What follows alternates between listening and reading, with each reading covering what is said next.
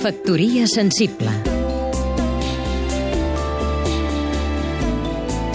Emili Rosales, escriptor i editor Un dels efectes positius de la dispersió estiuenca consisteix a comprovar com aquí i allà sorgeixen iniciatives artístiques insospitades. Per descomptat, aquesta vitalitat cultural, lluny dels espais urbans més coneguts, no és exclusiva dels mesos de calor, però l'èxode ciutadà afavoreix que les propostes augmentin i que aquestes rebin un públic i una atenció que potser no aconseguirien en una altra època de l'any. No cal dir els festivals de música i teatre, alguns dels quals estan tan consolidats com qualsevol de les grans programacions de la capital.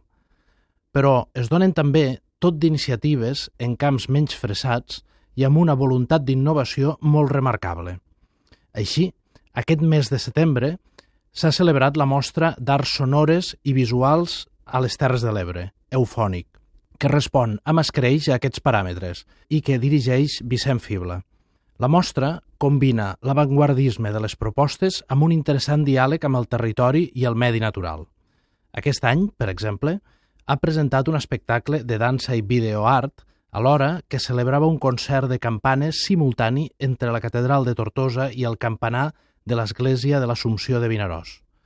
Però encara ha cridat més l'atenció la campana tubular submergida a les muscleres de l'abadia dels Alfacs, que sona en funció de les onades. Eufònic, que arriba a la tercera edició, sembla que ha trobat el seu lloc en aquesta escena artística que no es posa límits de gèneres ni tampoc geogràfics. Factoria sensible Seguim-nos també a catradio.cat